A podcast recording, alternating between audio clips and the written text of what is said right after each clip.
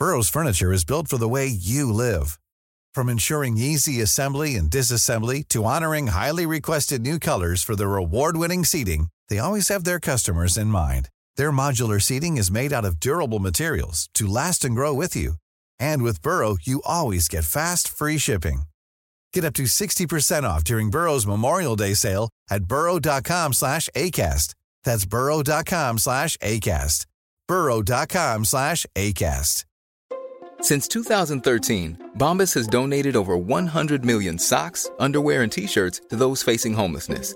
If we counted those on air, this ad would last over 1,157 days. But if we counted the time it takes to make a donation possible, it would take just a few clicks. Because every time you make a purchase, Bombas donates an item to someone who needs it. Go to bombas.com slash ACAST and use code ACAST for 20% off your first purchase. That's bombas.com slash ACAST, code ACAST. Many of us have those stubborn pounds that seem impossible to lose, no matter how good we eat or how hard we work out. My solution is PlushCare. PlushCare is a leading telehealth provider with doctors who are there for you day and night to partner with you in your weight loss journey. They can prescribe FDA-approved weight loss medications like Wagovi and Zepbound for those who qualify. Plus, they accept most insurance plans. To get started, visit plushcare.com slash weight loss. That's plushcare.com slash weight loss. Fører debatten om abort til færre aborter? Det er spørsmålet vi stiller i denne ukens episode av Tore og Tarjei, en podkast fra Dag. I dag sitter jeg i eh, Frelsestempelet, tror det heter, i eh, hovedstaden, i hovedkvarteret til Frelsesarmeen her i Norge. Vi er på årsmøte i Norsk råd for misjon og evangelisering. Jeg sitter her sammen med Morten Dale Sterk, som til daglig er generalsekretær i organisasjonen Menneskeverd. Vi har vært på årsmøte sammen tidligere i dag, det skal vi snakke litt mer om straks. Men først, du leder altså Menneskeverd, og med det utgangspunktet kunne man kanskje tenke at eh, de siste årenes abortdebatt er akkurat det din organisasjon skulle ønske seg, altså å få oppmerksomhet om selve saken? Ja, eh, det, på en side så er jo det helt riktig. Altså, jeg tror det at eh, en stemme, eller egentlig mange stemmer, eh, som er en slags sånn påminnelse om at fosteret er der, og at det har rettigheter, og at dette er allerede et menneske, bare at det ikke er kommet på utsiden av morens mage ennå. Det, det, tror jeg er utrolig viktig for den norske debatten. Eh, men samtidig så ser vi en utvikling som vi er veldig bekymra for. Så det er jo med en sånn, du kan si en slags bismak at Menneskeverd fordi menneskeveid Menneskeverd som organisasjon har jo opplevd å få mye økonomisk støtte. Vi har fått, eh, I våres fikk vi 200 nye medlemmer eh, som meldte seg inn nærmest på én gang i forbindelse med disse partilandsmøtene som ja. ønsket å utvide abortgrensen. Men samtidig så er det jo en bismak der, for vi skulle jo ikke ønske at veien går der hvor den ser ut til å gå nå, at det kan bli en endring i abortgrensen. Riktig. Nei, for Spørsmålet innledningsvis er jo litt retorisk. For mange slags pressgrupper eller interessegrupper vil jo tenke at det å få oppmerksomhet rundt saken nå, det er det vi ønsker for å vinne frem. Mens, eh, mens i denne spesielle saken så kan det jo noen ganger virke som at oppmerksomhet egentlig fører til det motsatte. Altså at man vi kan tenke tilbake på, på reservasjonsrettstriden sånn som gikk i 2013 og 2014. Egentlig en ganske liten andel av fastlegene som ville ha adgang til å reservere seg mot å henvise til abort.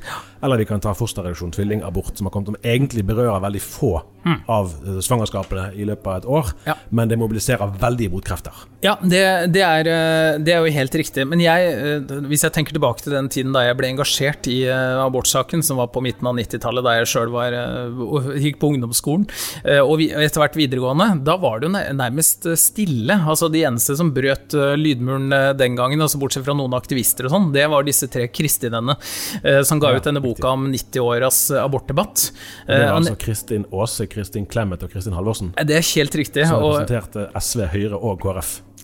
Og, og, det var jo en helt unik konstellasjon. Eh, og når man leser den boka på nytt i dag, så, som jeg egentlig anbefaler de som er nysgjerrig på dette å gjøre, så blir man egentlig forbløffa over hvor direkte de var. Eh, og det Kristin Clemet, da, her kan man ikke bare bruke fornavn, eh, har, har sagt i ettertid, er jo det at det de ønsket, var nettopp å sette fokus på at fosteret også har noen rettigheter og et rettsvern. Vi forbinder kanskje den striden mest med debatten om sorteringssamfunnet, mm. som har kommet opp igjen enn de senere årene. Eh, men poenget mitt er det at den, eh, den stillheten som kan oppstå rundt et så betent spørsmål, fordi det gjelder menneskers vanskeligste valg og følelser og sårbarhet, som vi også må anerkjenne, den er allikevel, tror jeg, lite hensiktsmessig over tid.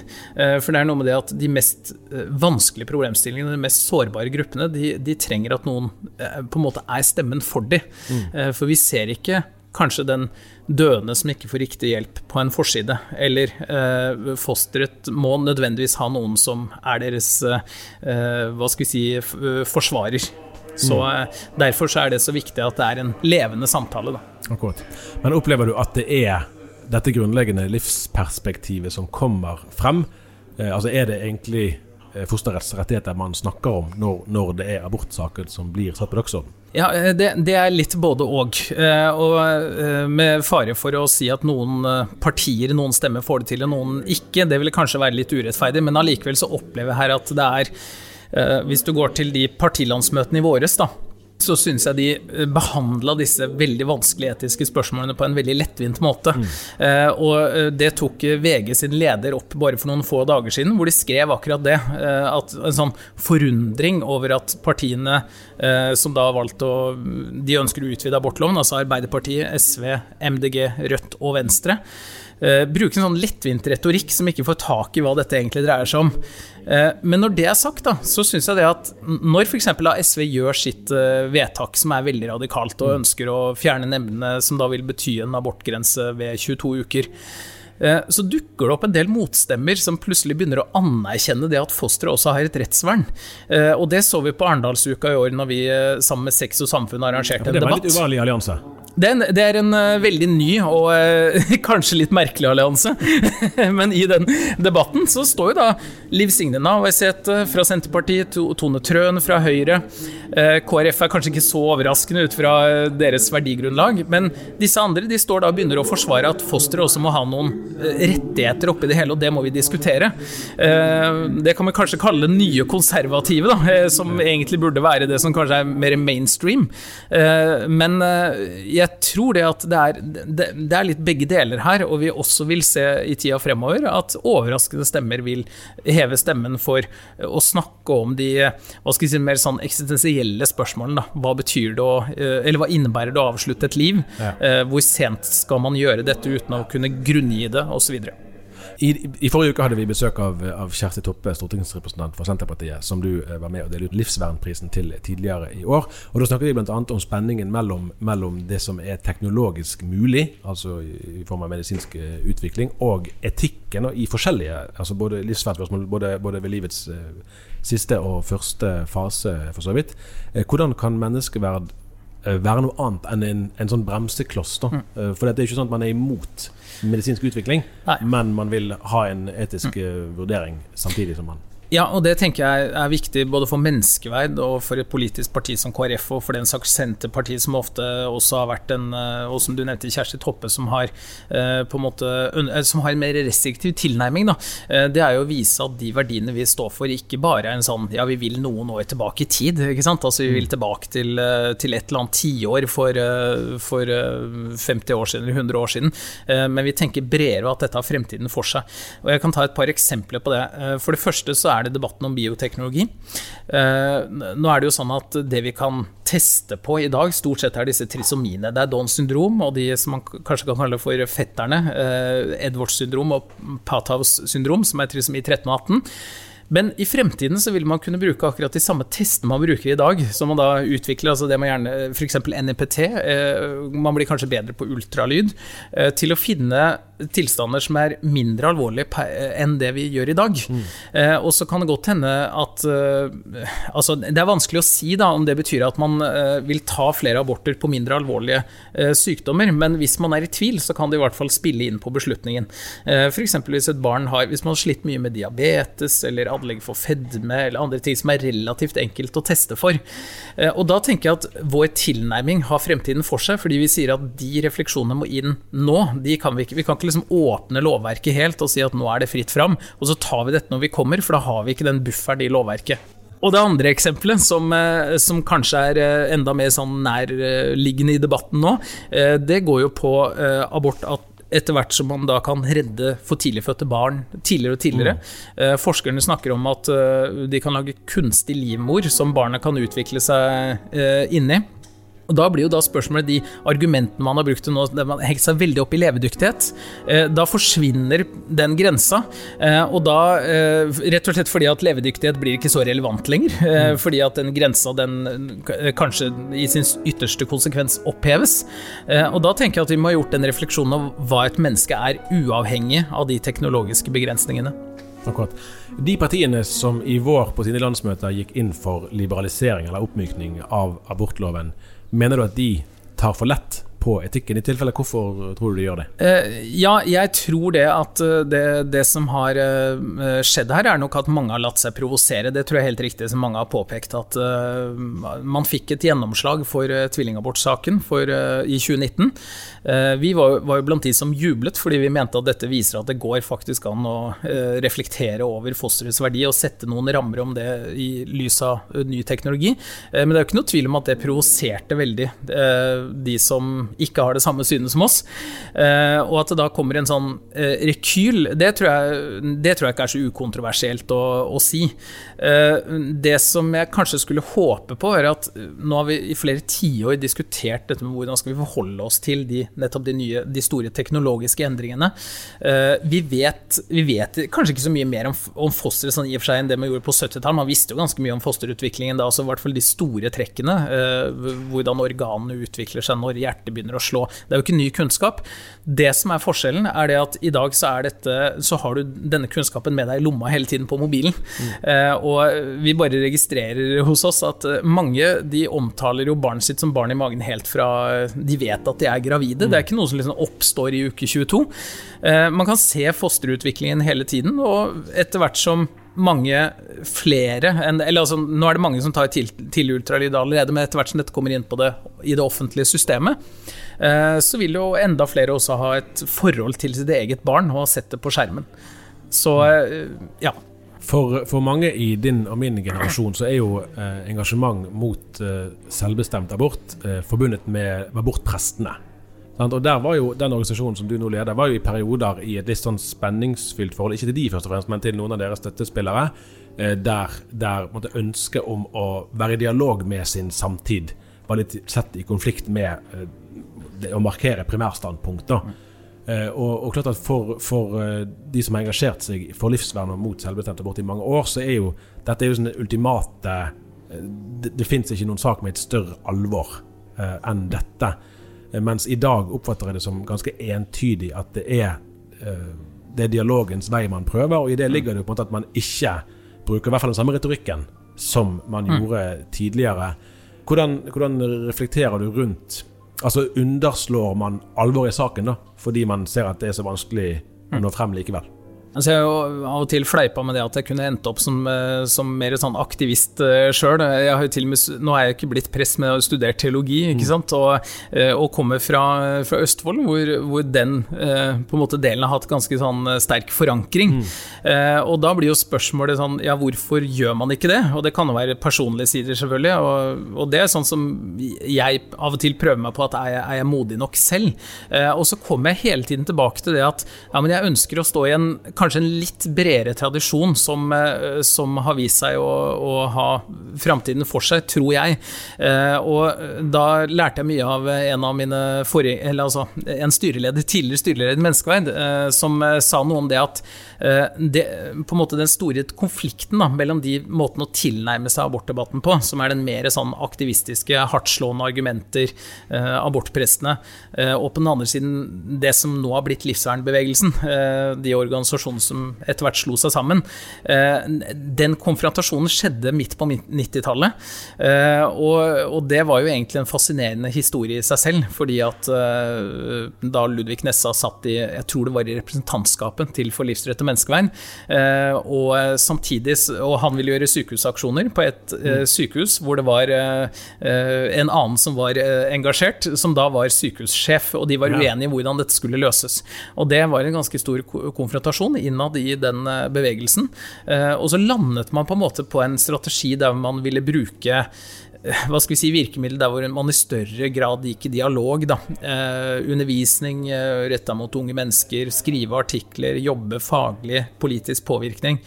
Eh, det som har vært effekten av det eh, Det er veldig vanskelig å se sin egen samtid. ikke sant? Det kan godt hende at man gjør eh, ting som man i ettertid vil reflektere annerledes rundt. Men det som i hvert fall er effekten, er jo det at f.eks. gjennom Lissern-prisen og holdningskampanjer osv. Så, videre, så har vi bygd opp bro til en Kjersti Toppe eller en Kristin Clemet eller en Per Fugli eller Geir Lippestad, som, som, ikke ville ha gått i tog mot mm. for de, mange av de sakene som kanskje jeg er enig med, med de mest aktivistiske i, mm. eh, men som allikevel mener at dette er en så vanskelig problemstilling at den fortjener en bredere debatt, og som kanskje er enig med oss i enkeltsaker. Når jeg ser de verdivalgene som vil møte dere framover, så er jeg helt overbevist om at vi trenger et sterkt KrF. For det er jo bare KrF som virkelig tar kampen for familiene sin valgfrihet. De kristne røttene som landet bygger på, og som vil hindre venstresidas radikale abortliberaliseringer. Så etter høstens stortingsvalg så trenger vi et KrF som er stort nok til å kunne ta de kampene. Jeg skal bare si forresten at eh, hvis det høres lyder i bakgrunnen, så er det altså fordi det rigges til uh, jubileumsmiddag her i tempelet. Vi skal altså straks komme tilbake til hvorfor vi, vi sa litt om det til å begynne med, hvorfor vi er her. Men eh, vi, vi, skrur klokken tilbake nå i ja, det er faktisk ganske nøyaktig eh, tre år nå. Så vidt jeg husker, da, eh, så var det på et møte i Bergens Indremisjon lokaler i Betlehem i Bergen at var, Da er vi tilbake til veivalgsprosessen i Kristelig Folkeparti høsten 2018. Da var både Knut Arild Hareide og Kjell Ingolf Ropstad til stede på det møtet og skulle da tale for hver sin sak.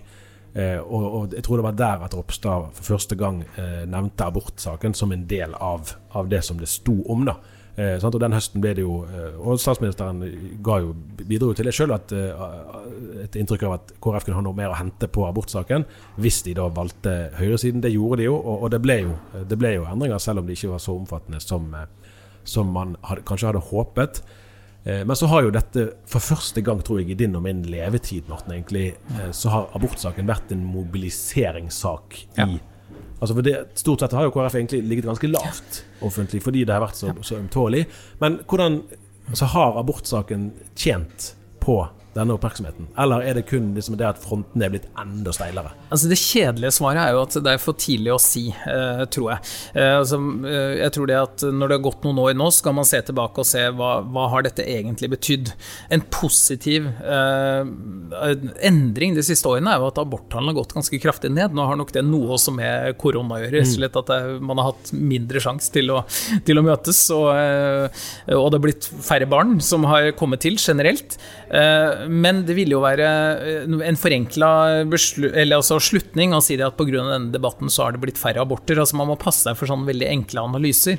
Eh, men som jeg også var inne på litt tidligere i samtalen, så tror jeg det at det å holde, eh, for å si det litt sånn sjablongmessig, ryktet om fosterets menneskelighet levende i den offentlige debatten, mm. det er den eneste muligheten vi har for å, for å skape refleksjon, i hvert fall i samfunnet, da, på et sånt samfunnsplan. Og at man jevnlig har disse debattene og stiller seg sjøl spørsmålet er den praksisen vi har nå, egentlig egentlig bærekraftig. Ja, ja. Altså Vi trenger arbeidskraft. Eh, hvis du tar veldig sånn teknisk, ikke sant? vi ønsker at flere eh, Altså Statsministeren maner til at flere skal eh, skal eh, få barn. Eh, at de som har to barn, gjerne må knekke den grensa for tre barn. Eh, og vi har store utfordringer i åra som kommer. og Da tenker jeg bare sånn rent ut fra en sosiologisk analyse, så er det viktig å stille de spørsmålene om ja, men er det da bærekraftig at vi faktisk at 11 000 barn ikke får se mm. dagens lys. Og da er man jo også over på direkte støttetiltak og økonomi og sosiologiske eh, sider da, ved det mm, mm. spørsmålet. Ja.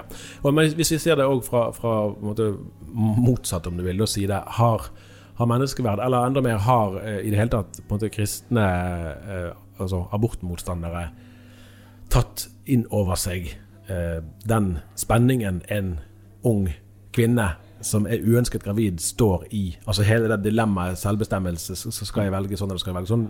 Hvis man ikke er i et parforhold altså videre, som man, mm. som, der man opplever at fornuftige forutsetninger for å få barn og bære frem et barn er til stede, Eh, har man, har man eh, tatt for lett på det helt sånn konkrete dramaet disse Mm. kvinnene står i? Eh, Jeg håper ikke at vi gjør det. Eh, Vi, eh, vi har en i staben akkurat nå som har vært helt åpen og stått fram i Vern om livet og fortalt det at Det er medlemsbladet. Ja. Eh, altså fungerende informasjonsansvarlig, Kristin, som har fortalt at hun selv tok abort i sin ungdom, og så skjedde det endringer i, i hennes liv som, som gjorde at hun reflekterer annerledes om det nå i, i voksen alder. Eh, og eh, vi har vært veldig opptatt av egentlig altså En av kjerneverdiene til menneskeverd er å være ærlig, Sånn at eh, samtalen rundt bordet, lunsjbordet i menneskeverd, eh, den, den dreier seg både om de etiske spørsmålene og de litt mer sånn prinsipielle sidene, men jeg opplever at det er mye varhet for at dette er komplisert. Mm. og én ting er jo det som man kanskje ser for seg en veldig ung kvinne. Nå er det riktignok kanskje en kvinne på 29 år som er den mest utsatte. Mm. mange av de har barn fra, fra før, så, så det sier noe om det at dette bildet også har endra seg over noen år. Eh, men hvis man tar mer sånn hva skal vi si, ekstreme tilfeller, da, eh, hvor det viser seg at barnet har en svært alvorlig diagnose, ikke vil, sannsynligvis ikke vil overleve svangerskap eller første leveår, så tenker jeg at eh, vi har en forpliktelse til å ta inn over oss hvor vanskelig den situasjonen er.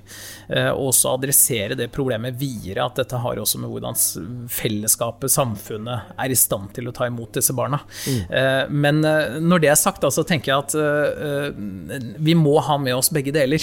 Eh, vi, kan ikke, vi kan ikke på en måte slutte å snakke om de vanskelige temaene fordi det kan være vanskelig for noen.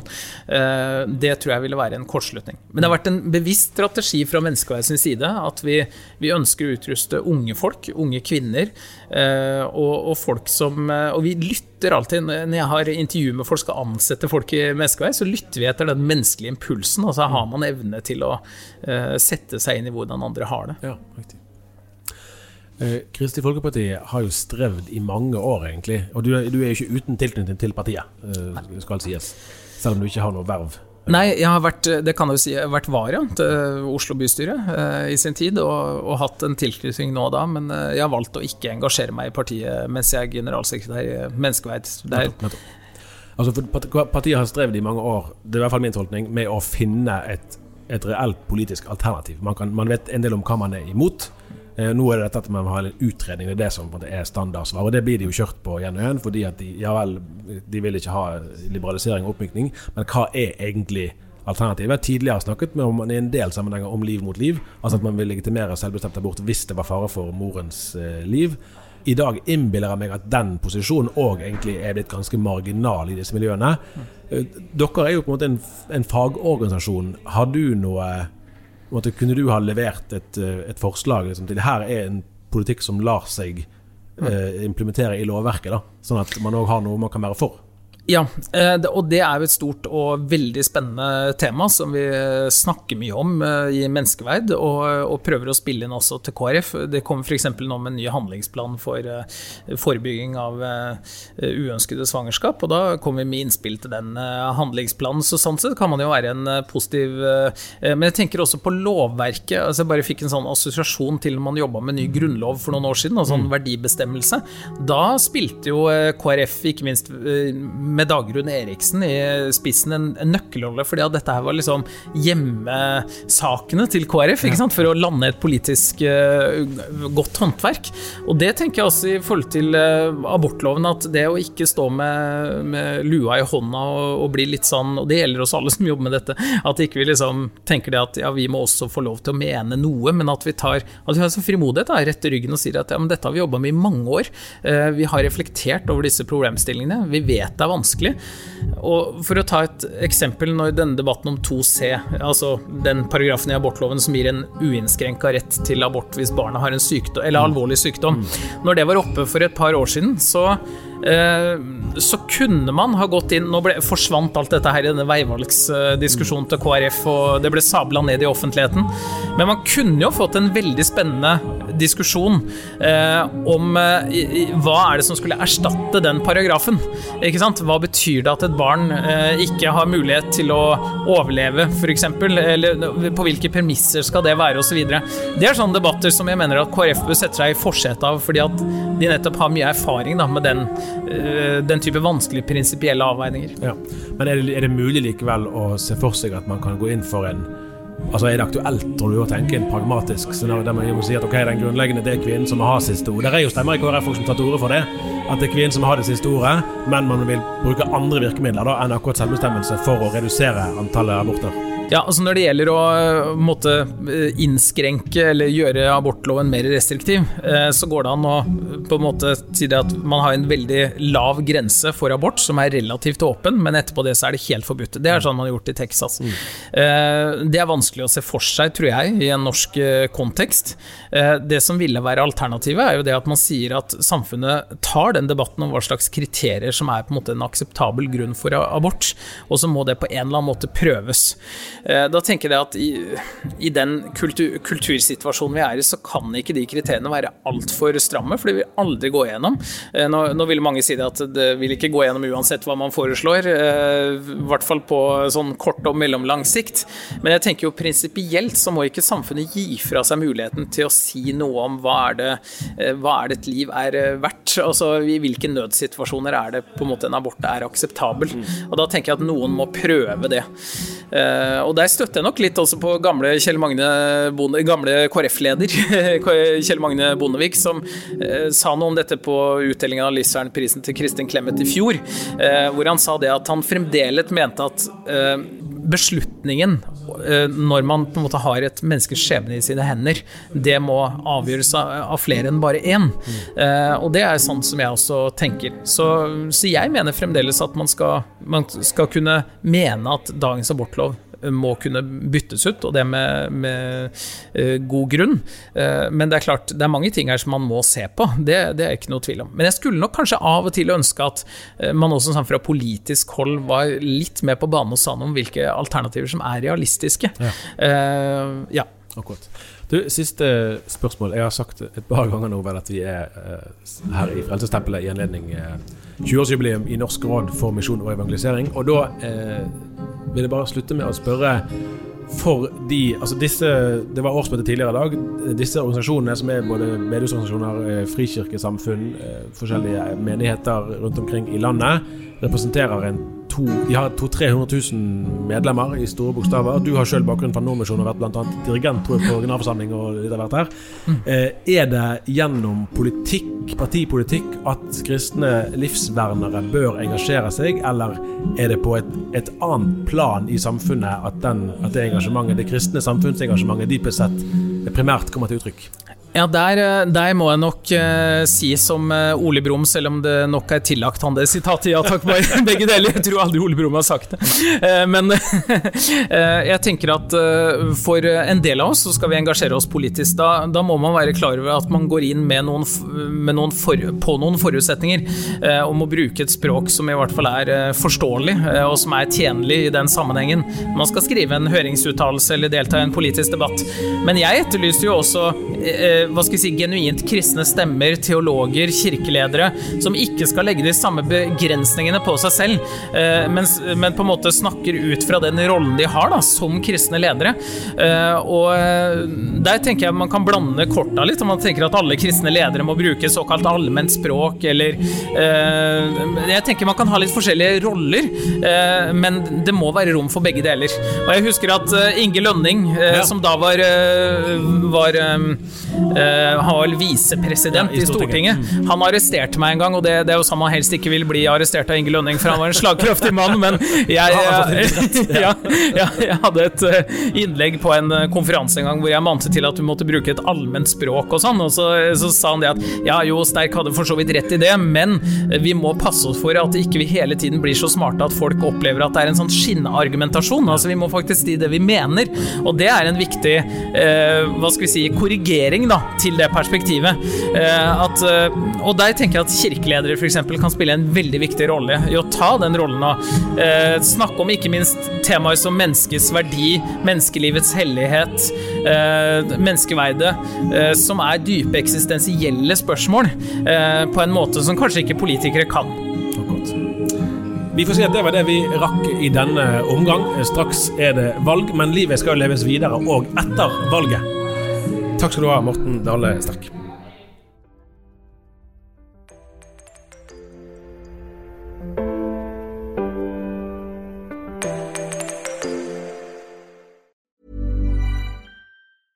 Want flexibility? Take yoga. Want flexibility with your health insurance? Check out United Healthcare Insurance Plans. Underwritten by Golden Rule Insurance Company, they offer flexible, budget friendly medical, dental, and vision coverage that may be right for you. More at uh1.com.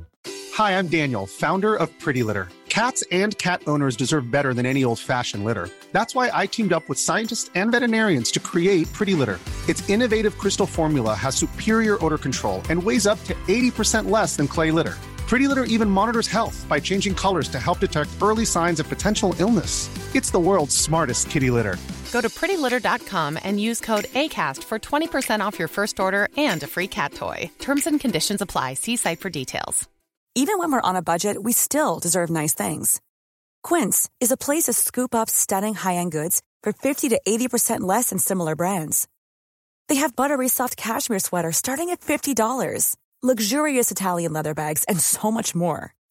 Plus, Quince only works with factories that use safe, ethical, and responsible manufacturing. Get the high-end goods you'll love without the high price tag with Quince. Go to quince.com/style for free shipping and 365 day returns.